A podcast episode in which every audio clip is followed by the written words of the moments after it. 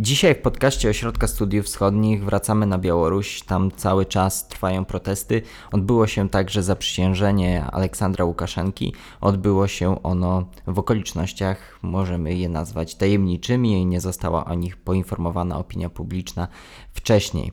Protesty, tak jak wspominałem, trwają i my będziemy dzisiaj rozmawiać o tym, jaka będzie kadencja prezydenta Łukaszenki, czy ona dotrwa do końca, jak wygląda sytuacja wewnętrzna teraz na Białorusi, no i czy możemy już mówić o jakichś przewidywaniach tego, co może się wydarzyć w przyszłości. A jak Białoruś, to będziemy oczywiście rozmawiać z Kamilem Kusińskim, analitykiem Ośrodka Studiów Wschodnich. Dzień dobry Państwu.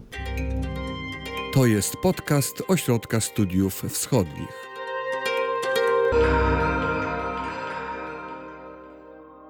Jedno z określeń, które padło w kontekście obecnej sytuacji na Białorusi, to stabilna niestabilność. Czy to już jest stabilna niestabilność, czy tak możemy określić to, co dzieje się tam w tym momencie? Narzędzia dialektyczne są bardzo pomocne przy opisie sytuacji na Białorusi, bo ja też używałem też takiego pojęcia wcześniej, które wydaje mi się wciąż aktualne, rewolucji bez rewolucji. Właśnie coś niby dokonane, ale nie do końca. I tutaj też mamy taką pozorną sprzeczność, taką, taką trochę absurdalną dialektykę, e, stabilna niestabilność. E, coś w tym jest, bo rzeczywiście te protesty weszły w, takie, w taką rytualną powtarzalność one e, znajdują się w takim, takim cyklu kulminacji od niedzieli do niedzieli, gdy dochodzi do największych demonstracji. Obecnie jest to głównie Mińsk, Liczba demonstrantów oscyluje y, co tydzień, właśnie co niedzielę w okolicach 100 tysięcy.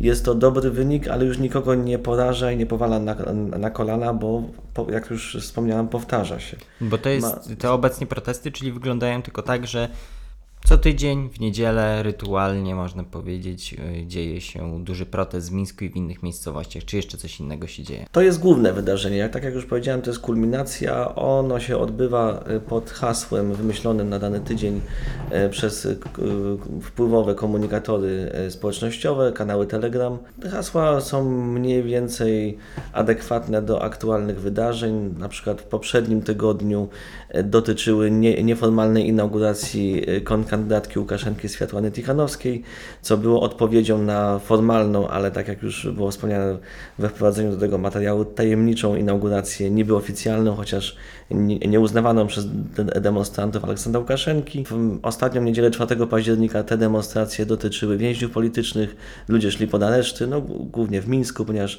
w Mińsku miała miejsce największa demonstracja. Natomiast stopniowo wygasają inne formy protestu, obserwowane jeszcze w sierpniu mniejsze protesty w tygodniu w centralnych punktach miast y, na Białorusi, w tym na Placu Niepodległości przy pomniku Lenina i tzw. Tak Czerwonym Kościele w Mińsku. Y, tych protestów praktycznie już nie ma, są jakieś drobne happeningi, flashmoby, jakieś, jakieś różnego rodzaju oświadczenia czy komunikaty publikowane w internecie różnych osób znanych ze świata kultury, sportu czy działaczy społecznych, którzy wyrażają swój protest, swoje poglądy. I jeszcze do właściwie y, minionej soboty odbywały się, bo nie wiadomo jaka będzie przyszłość tej formy protestu, marsze kobiece. To była, to, to była taka również dość spora, mm, zauważalna forma protestu, uzupełniająca do tego kulminacyjnego marszu niedzielnego. Kobiety odgrywają w tej rewolucji bez rewolucji bardzo specyficzną też rolę. Wydaje mi się, że też bardzo pozytywną i pożyteczną. One działają na rzecz deeskalacji, y, właśnie demonstrowania i rozmowy z, z demonstrantami bez użycia przemocy. To się wiąże z dramatycznymi wydarzeniami tuż po 9 sierpnia, kiedy po kilku dniach naprawdę bardzo brutalnych działań sił porządkowych i dość stanowczych i energicznych chwilami też radykalnych działań demonstrantów, gdy powstawały na przykład spontanicznie barykady, chociaż władze twierdzą, że nie spontanicznie, bo to działania oczywiście y, CIA i, y, I satelickich służb, w tym i polskich, oczywiście jak żeby innych asatelickich, bo jesteśmy według y, propagandy Mińska pod butem Waszyngtonu, no to te działania były bardzo radykalne i kobiety wyszły w czwartek właśnie w pierwszym tygodniu tych demonstracji z kwiatami, ustawiały się łańcuchy z Solidarności, aby rozładować napięcie. To się udało i to działało przez wiele tygodni, ale niestety te kobiece marsze zaczęły być coraz brutalnie traktowane przez siły porządkowe i myślę, że odpowiedzią tych kobiet, co jest logiczne, ponieważ one e, oczekują spadku napięcia i żądają rezygnacji z przemocy, że odpowiedzią tych kobiet na przemoc sił porządkowych jest też wyhamowanie tego formatu. Obecnie są to spacery z kwiatami, luźnych grup, kilku, kilkunastu pań e, po e, głównych ulicach białoruskich miast. I co bardzo ważne też dla przedstawienia pełnego obrazu tych protestów, takiego aktualnego obrazu, powoli spada dynamika, ale nieuchronnie spada dynamika protestów na prowincji. Z tygodnia na tydzień tych ludzi w miastach regionalnych, obwodowych, rejonowych jest coraz mniej. I ja podałem ostatnio w swoim tekście taki przykład Homla. To jest du duże miasto, jedno z miast obwodowych na Białorusi, gdzie w poprzednim tygodniu kilkusetosobowa demonstracja była brutalnie tłumiona przy użyciu granatów hukowych, kul gumowych, gazu łzawiącego. To były najbardziej brutalne działania milicji wówczas na Białorusi w skali tam, tamtej niedzieli. I efekt był taki, niestety, dla demonstrujących, że w ostatnią niedzielę 4 października na ulice, y, miejsca wyznaczone przez demonstrantów do rozpoczęcia protestu wyszło kilka, kilkanaście osób, może kilkadziesiąt, w związku z czym do żadnej demonstracji nie doszło. Dlaczego spada tempo protestów, y, spada ich wielkość? Czynników jest oczywiście kilka, tego się nie da zamknąć w jednej przyczynie. Z jednej strony ludzie są zmęczeni, trudno oczekiwać, że będą regularnie, masowo wychodzić przez dwa miesiące, bo to już niedługo że rzeczywiście domkną się na dwa miesiące 9 października, dokładnie od kiedy trwają te protesty i trwa głęboki kryzys polityczny na Białorusi. Ludzie są zmęczeni. Po drugie, rozczarowani, myślę, brakiem ustęp z władz tym, że władze, obóz władzy nie pęka, jest monolitem, chociaż tam mogą się dziać różne rzeczy, o czym pewnie porozmawiamy za chwilę, mhm. ale z zewnątrz i jeśli chodzi o ustępstwa wobec demonstrujących, spełnianie ich postulatów, nic się nie dzieje. Tutaj władze stoją na swoim stanowisku, a nawet zaostrzają e, e, represje i grożą kolejnymi. I tutaj też e, myślę, że czynniki pogodowe mogą mieć swoje znaczenie. Robi się coraz chłodniej, no to niby banalne, ale ma to swoje znaczenie dla wielu osób. I oczywiście, oczywiście też strach, jak również znużenie. Zwykłe zniecierpliwienie, ile można. Tak, ile można, ale też strach związany E, czy też właśnie znużenie, zmęczenie materiału związane też z brutalnymi działaniami sił porządkowych, bądź jeśli te działania nie są brutalne, to przynajmniej polegają na, na nękaniu tych ludzi, za, zatrzymywaniu wybranych uczestników demonstracji, wywożeniu ich poza miasta albo przetrzymywanie kilka godzin w areszcie, spisywanie protokołów, choć nie dochodzi już do wielu pobić i tortu, tak jak miało to miejsce w dramatycznych pierwszych dniach protestów, to ludzie mogą być po prostu najzwyczajniej w świecie zmęczeni, rozczarowani, a też widzą, że wciąż brakuje silnego przywództwa, które nakreśliłoby jakąś wizję, co robić dalej. To jaki jest w tym momencie właśnie plan opozycji? Czy on w ogóle istnieje? Czy to będzie po prostu kontynuowanie tych protestów, które są teraz, czy, czy jest większy plan? Żeby był większy plan, musiała być też idealna koordynacja wszystkich struktur, środowisk zaangażowanych w te protesty niektórzy mówią, że jest to siła tych protestów, że nie ma jednego przywódcy, który by był uznawany przez wszystkich, który miałby silne zaplecze, które sprawnie wszystko organizuje, za, zapewnia mu poparcie i nadzoruje, bądź właściwie bardziej nie nadzoruje, bo to yy, raczej w stylu władzy, a koordynuje a koordynuje i stymuluje te protesty.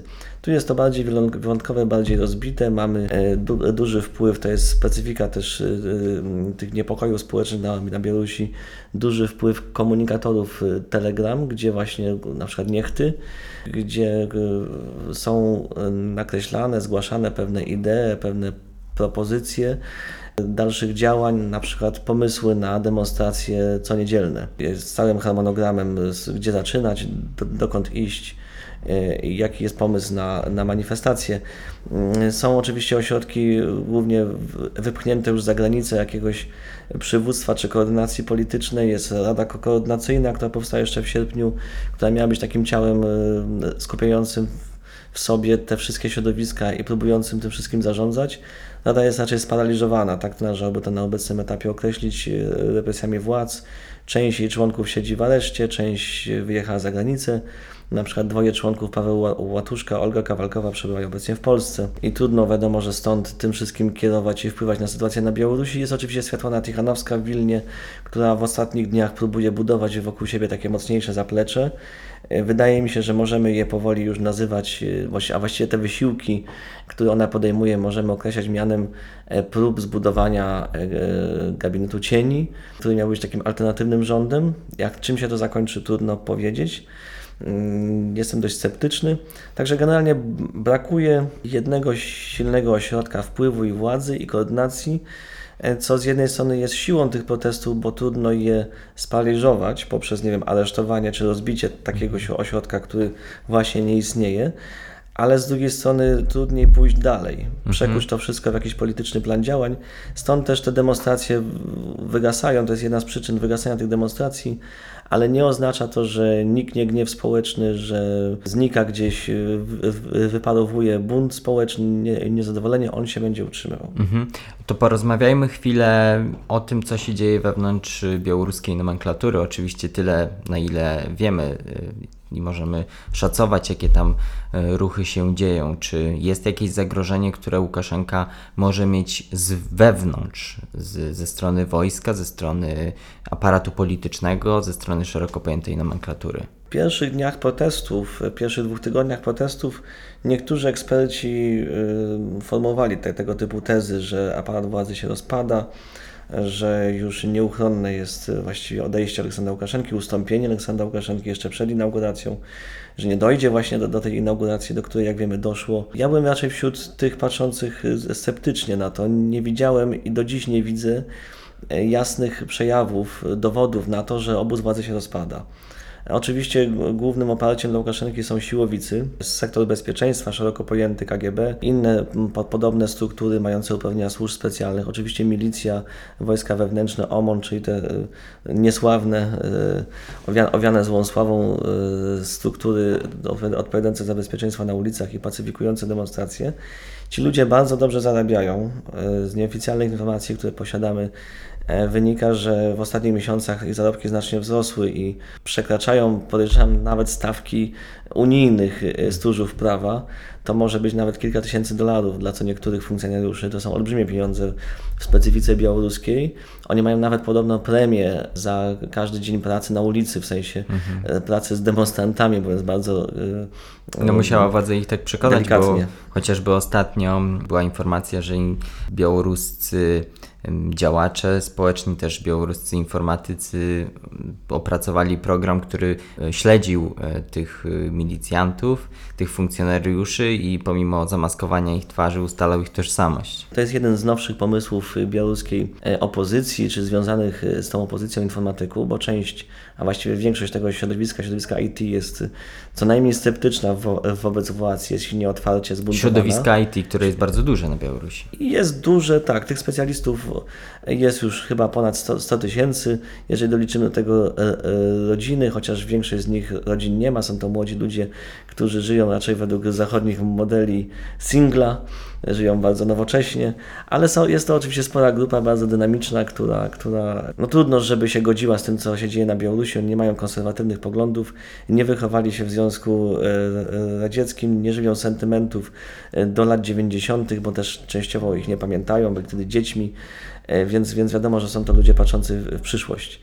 W związku z czym Łukaszenka nie może im w żaden sposób odpowiadać i to, co on proponuje, i to, co organizuje na Białorusi. Wracając do obozu władzy, tego typu działania podejmowane przez informatyków, one w ich założeniu miały kruszyć spoistość, doprowadzać do wstydu, nie wiem, do rzucania legitymacjami, trzaskania drzwiami, rzucania papierami, jakkolwiek byśmy tego nie nazwali, czy przynajmniej wycofywania się z aktywnej działalności antyspołecznej e, z represji, ale myślę, że w większości przypadków te działania konsolidują, przynajmniej na obecnym etapie obóz władzy, ten sektor siłowy, ponieważ poza tą pozytywną motywacją, o której już wspomniałem, czyli różnego rodzaju podwyżkami, wysokim poziomem wynagrodzeń, czy rozbudowanym socjalem, pakietem socjalnym y, w tej branży, to działa też motywacja negatywna. Y, ci ludzie po prostu boją. Wmawiano im zresztą przez wiele miesięcy, z tego co wiem, przed wyborami, że w razie zwycięstwa opozycji powieszą ich na latarniach. No a takie I... śledzenie jakby wzmaga na pewno tak. te tak, poczucie zagrożenia może ich konsolidować wokół Łukaszenki, który po prostu daje im gwarancję bezpieczeństwa, bo jeżeli już tyle mają na sumieniu i tak mocno się zaangażowali w represję, bądź przynajmniej są kojarzeni z aparatem represji, nawet do osobiście się tym nie zajmowali, no to siłą rzeczy z ich punktu widzenia najprostszym sposobem utrzymania bezpieczeństwa jest e, kontynuacja rządów Aleksandra Łukaszenki. Tym bardziej, że to się wiąże z wysokim poziomem życia, szczególnie jak na standardy białoruskie. Natomiast jeśli chodzi o cywilną część nomenklatury, sytuacja jest bardziej złożona. Myślę, że tutaj wzrósł poziom sceptycyzmu, że wiele osób jest niezadowolonych, ale mówię tylko myślę, bo to jest trochę jak szklana kula. Nikt nie prowadzi badań socjologicznych, ja również nie mam e, jakichś takich szczególnych kontaktów osobistych w tym sektorze, aby, nie wiem, pytać się tych ludzi o ich osobiste odczucia. Mogę tylko bazować na tym, co wiem o Białorusi i na mojej intuicji eksperckiej, na ogólnym osądzie, e, bądź jakichś detalach, które gdzieś tam czasem wyciekają. E, To myślę, że narasta sceptycyzm, rozczarowanie, być może przerażenie wśród niektórych, jak władze są w stanie daleko pójść, jak reżim jest w stanie daleko pójść, aby utrzymać władzę, ile krzywd wyrządził ludziom, również przypadkowym. Część e, przedstawicieli no- nomenklatury z pewnością ma krewnych, którzy e, stali się ofiarami. Białoruś nie jest dużym państwem, którzy stali się ofiarami tych represji, byli pobici, torturowani w aresztach, bądź przynajmniej zatrzymani. I to na pewno rzutuje. Ta motywacja mogła się zamienić, jeżeli była wcześniej pozytywna, na negatywną, w sensie, że ze strachu, z braku alternatywy, z troski o dobro e, rodziny, aby utrzymać dochody, ci ludzie pracują dalej dla państwa, ale już bez większego entuzjazmu. Ja myślę, że na przykład e, takie rzeczy mogą się dziać w białoruskim MSZ-cie, e, w którym zresztą cał, całkiem sporo ludzi, jak na warunki białoruskie, odeszło, z którego odeszło. E, Mamy kilku Po ambasadorów. Tak, mamy kilku ambasadorów, na przykład ambasador Bia- Białorusi w Ar- Argentynie w ostatnim czasie, ambasador Białorusi w Hiszpanii czy y, na Słowacji, którzy w otwarty sposób wyrażali swoje nie- niezadowolenie, niezgodę i odeszli. Po prostu odeszli bądź zmuszono ich do tego, aby odeszli ze służby dyplomatycznej. Również z naszego polskiego podwórka mamy co najmniej jeden taki przykład. Konsul, jeden z konsuli białoruskich w Białymstoku oficjalnie ogłosił, że odchodzi, że nie może dłużej w tym wszystkim uczestniczyć. Jak na warunki białoruskie i niewielką liczbę ludzi, którzy odchodzą tak, w tak jawny sposób, MSZ się dość mocno wykrusza, chociaż jego rdzeń wciąż pozostaje pod kontrolą państwa i, i, i pracuje na, na rzecz y, reżimu, tylko jak, jak mówię, mam wątpliwości co do motywacji bi- białoruskich dyplomatów i innych pra, pra, pracowników innych struktur. Łukaszenka mówił y, o reformach, że mogą być wprowadzone, tylko mówił do opozycji: przyjdźcie do mnie, jakie chcecie reformy, będziemy robić reformy. Czy rzeczywiście są jakieś plany, czy już coś wiemy o jakichś ewentualnych zmianach y, ustrojowych na Białorusi, czy, czy nie ma szans na, na takowe zmiany? Zależy jakich zmian byśmy oczekiwali. Jeżeli przykładamy nasze szablony, nasze matryce zachodnie, unijne i chcemy rze- rzeczywiście realnych zmian, pojmujemy to w sposób dosłowny, to możemy się gorzko rozczarować. Za, ża- żaden reżim autorytarny nie jest w stanie się zreformować od środka własnymi siłami i Aleksander Łukaszenka to ewidentnie nam udowadnia w ostatnich tygodniach, jak i również w ostatnich latach, ale teraz to widać wyraźnie. On się cofa na pozycję twardego autorytaryzmu, rezygnuje ze wszystkich elementów liberalnej gry, zarówno wewnętrznej, jak i z Zachodem, którą prowadził wcześniej. E, Zachowuje się w sposób absolutnie schematyczny i zachowawczy, ty- typowy dla e, każdego przywódcy autorytarnego, który jest zagrożony utratą bądź osłabieniem władzy. Jednocześnie pojawiają się zapowiedzi konstytucyjnej reformy, również w kontekście rozmów z Rosją. Rosja tutaj chyba naciska w tym kierunku. Może chcąc mieć w ten sposób wymówkę, że na Białorusi coś się jednak zmienia i, nie, ch- i w ten sposób zdejmie z siebie część odpowiedzialności wizerunkowej za wspieranie krwawego e, reżimu, bo tak też można to już mówić na obecnym etapie, który ma na rękach tych takich metaforycznych, ale nie tylko e, krew swoich obywateli, bądź cierpienie swoich obywateli na sumieniu. I tutaj Rosja też próbuje znaleźć jakiś pretekst, aby, aby pokazać, e, że na Białorusi Łukaszenka jednak wprowadza pewne zmiany. Trochę też potrzebuje również tego sam Łukaszenka, ale jak mówię, to będzie bardziej zagadywanie rzeczywistości, przeciąganie pewnych rzeczy w czasie, tworzenie iluzji, oparte na głębokiej, znanej dobrze Łukaszence ra- radzieckiej tradycji właśnie pozorowania czegoś. Obecnie deputowani białoruscy, głównie Izba Niższa, Izba Przedstawicieli Parlamentu, pracują nad zbieraniem społecznych uwag, poprawek i wniosków co do zmian w Konstytucji. Wygląda to dość groteskowo. Dzisiaj widziałem informację, że któryś z deputowanych skarżył się, że parlament został za, wręcz zasypany, przygnieciony liczbą różnego rodzaju e, sugestii ze strony obywateli, co ma oczywiście pozorować demokrację bezpośrednią. Ja jednak jestem bardzo sceptyczny co do e, e, realnych zmian w Konstytucji. Oczywiście Łukaszenka chce nadal być e, silnym prezydentem, który wszystko kontroluje. Mhm.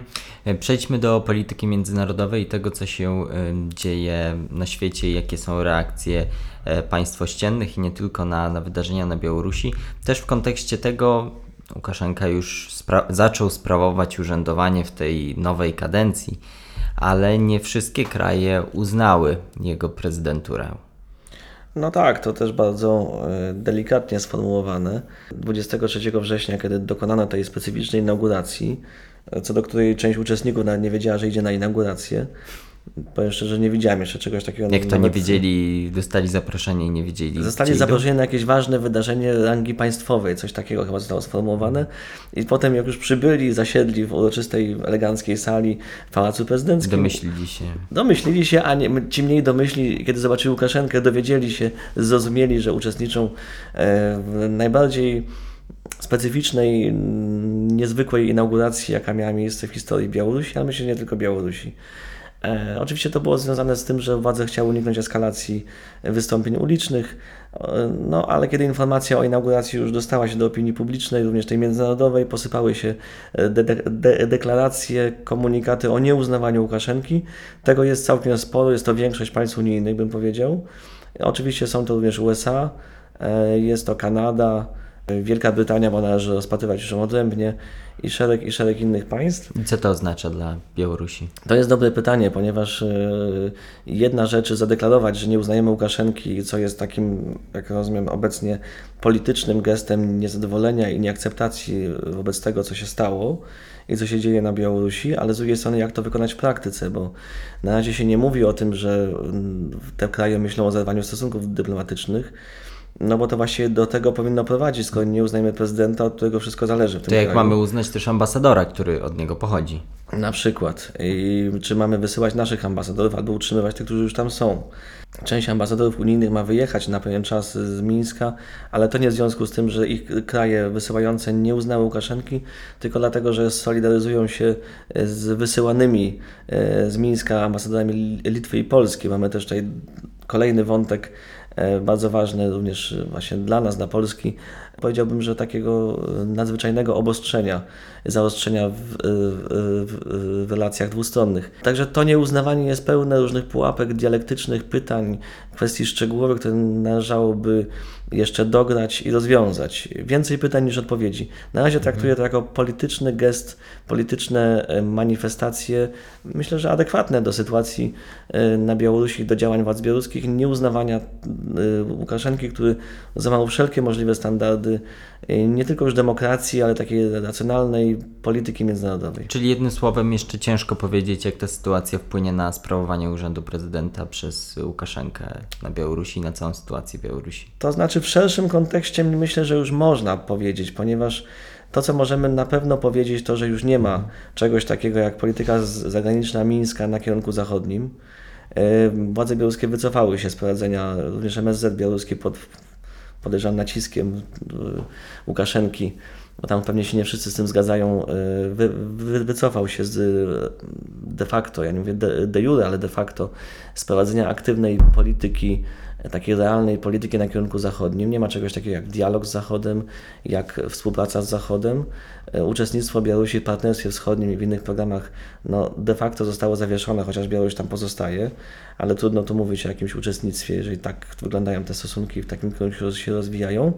E, Drastycznie spadła wiarygodność Białorusi na rynkach międzynarodowych pod względem finansowym, inwestycyjnym i kredytowym.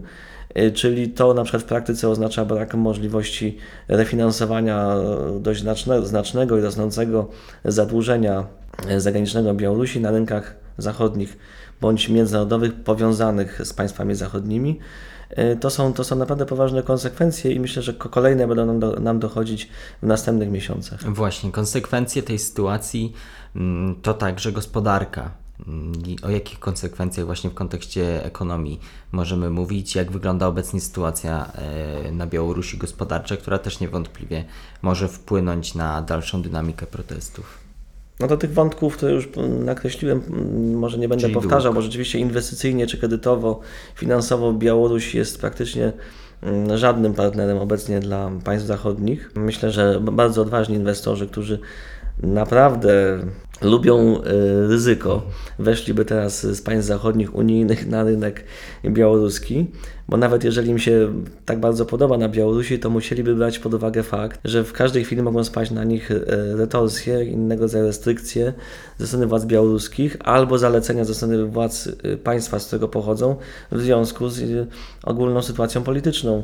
Więc myślę, że to jest obecnie trudny czas dla inwestycji na Białorusi, co jest przede wszystkim ciosem dla Białorusi jak i również dla kredytów e, zagranicznych pozyskiwanych z Zachodu. Generalnie myślę, że pogłębi się recesja e, białoruskiej gospodarki, którą obserwujemy już od stycznia, czyli nawet jeszcze sprzed COVID-u, bo oczywiście recesja nie jest niczym nadzwyczajnym obecnie w Europie i w ogóle na świecie.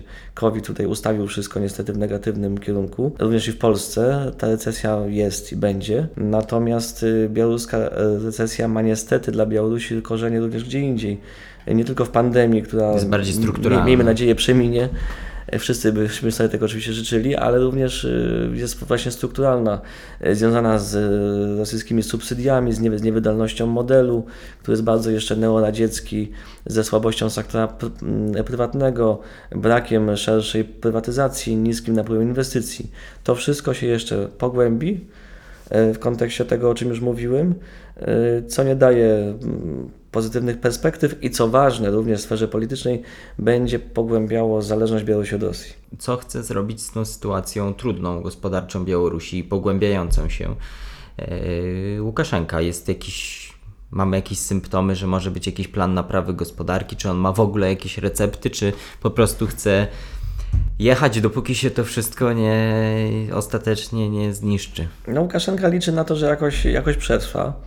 Ja na przykład myślę, że y, wprowadzając y, sankcje odwetowe wobec Unii Europejskiej, a wcześniej państw bałtyckich i żądając ograniczenia personelu dyplomatycznego od Wilna i Warszawy, Łukaszenka wie, że do, doprowadza do krachu y, wcześniejszy dialog z Zachodem. Tego dialogu nie ma już, ale liczy, że to przetrwa, że po prostu kiedyś, tak jak już wcześniej bywało, uda się do tego dialogu powrócić. A na razie najważniejsze jest utrzymanie władzy, konsolidacja władzy.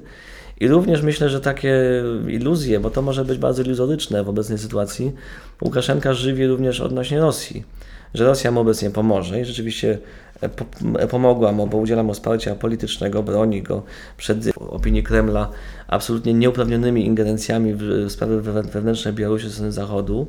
Udziela na, na, na razie na piśmie, jeszcze nie de facto, wsparcia finansowego. Podobno Białoruś ma otrzymać 1,5 miliarda y, dolarów kredytu od Rosji, chociaż wciąż jeszcze to jest dalekie od y, realizacji, z tego co widzę, ale takie wsparcie gdzieś jest tam zapowiedziane, są ustalenia. Rosja też udziela wsparcia propagandowego. Rosyjscy dziennikarze e, pracują w aparacie propagandowym e, Białorusi, co widać w stylu narracji białoruskiej propagandy e, państwowej to wsparcie jest, ale Łukaszenka chyba troszeczkę się myli, licząc, że Rosja tak to wszystko będzie za darmo dawać. Mhm. Szczególnie teraz, kiedy nie ma pola manewru, nie ma dialogu z Zachodem, ta, ta jego polityka zagraniczna jest bardzo jednostronna, bo nawet Chiny, taki niby strategiczny partner, ale nie chcą się zbytnio angażować w sprawy białoruskie, choć też nie krytykują władz białoruskich, ale się nie angażują. I tutaj Łukaszenka może się bardzo mocno zdziwić, jeżeli wciąż jeszcze się łudzi, że będzie tak jak wcześniej tylko wyciągał od Rosji e, kolejne subsydia, e, apelując do, do sumienia rosyjskich decydentów, mówiąc dużo o lojalności, o wspólnym dziedzictwie historycznym, o tym, że jest zagrożony przez Zachód, więc jedność słowiańska powinna przeważyć, że zawsze będzie wierny Moskwie. On jest pełen takich różnych e, deklaracji i zapewnień, ale mi się wydaje, że wciąż próbuje grać i to może być bardzo bolesne dla niego, także na odcinku Mińsk-Moskwa możemy się spodziewać dość dramatycznych i pełnych napięć negocjacji. To co może być na tym rachunku, który przyjdzie z Kremla do Mińska? Przede wszystkim cyfra 31, czyli 331 map drogowych integracji państwa związkowego, o które Rosja tak walczy, dobija się już od dwóch lat.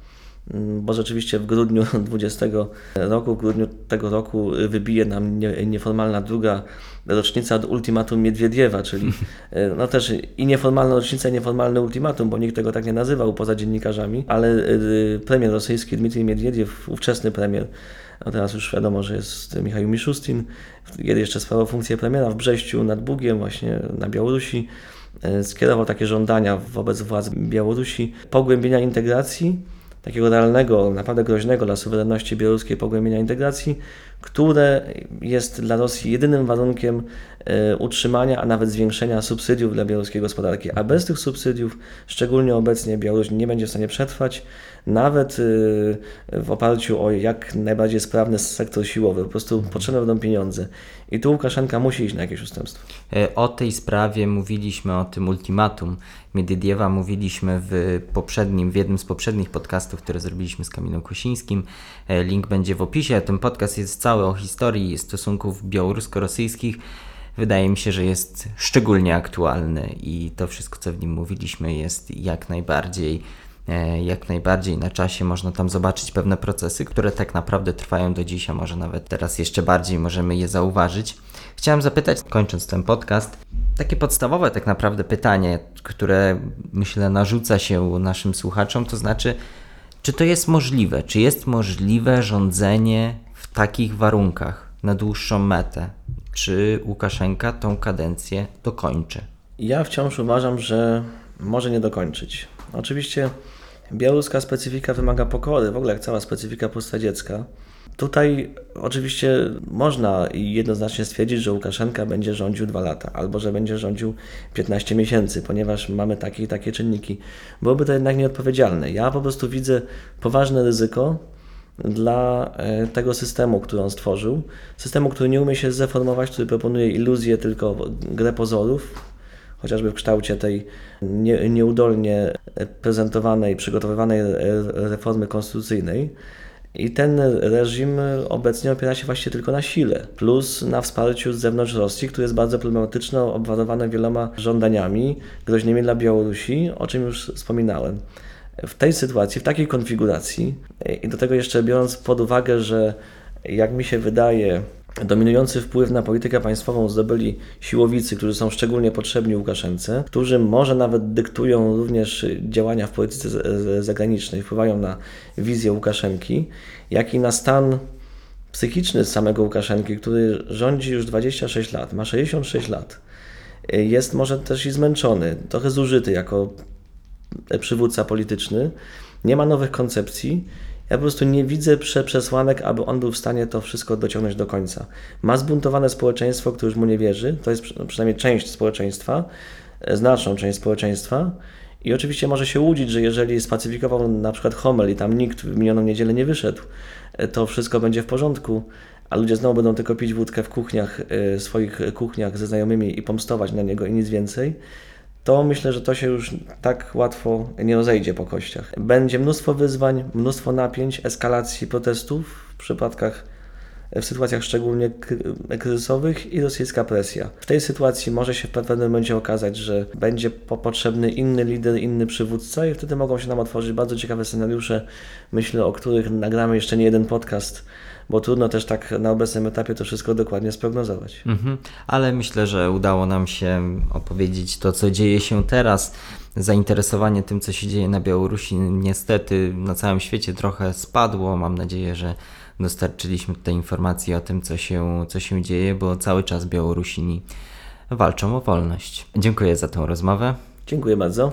Zapraszam do słuchania poprzednich podcastów, w tym wspomnianego o historii stosunków białorusko-rosyjskich, a także do odwiedzenia naszego głównego kanału na YouTube. Tam pojawiły się filmy chociażby o 30-leciu zjednoczenia Niemiec, czy o obecnej sytuacji w Górskim Karabachu. Tymczasem mówię Państwu do usłyszenia następnym razem.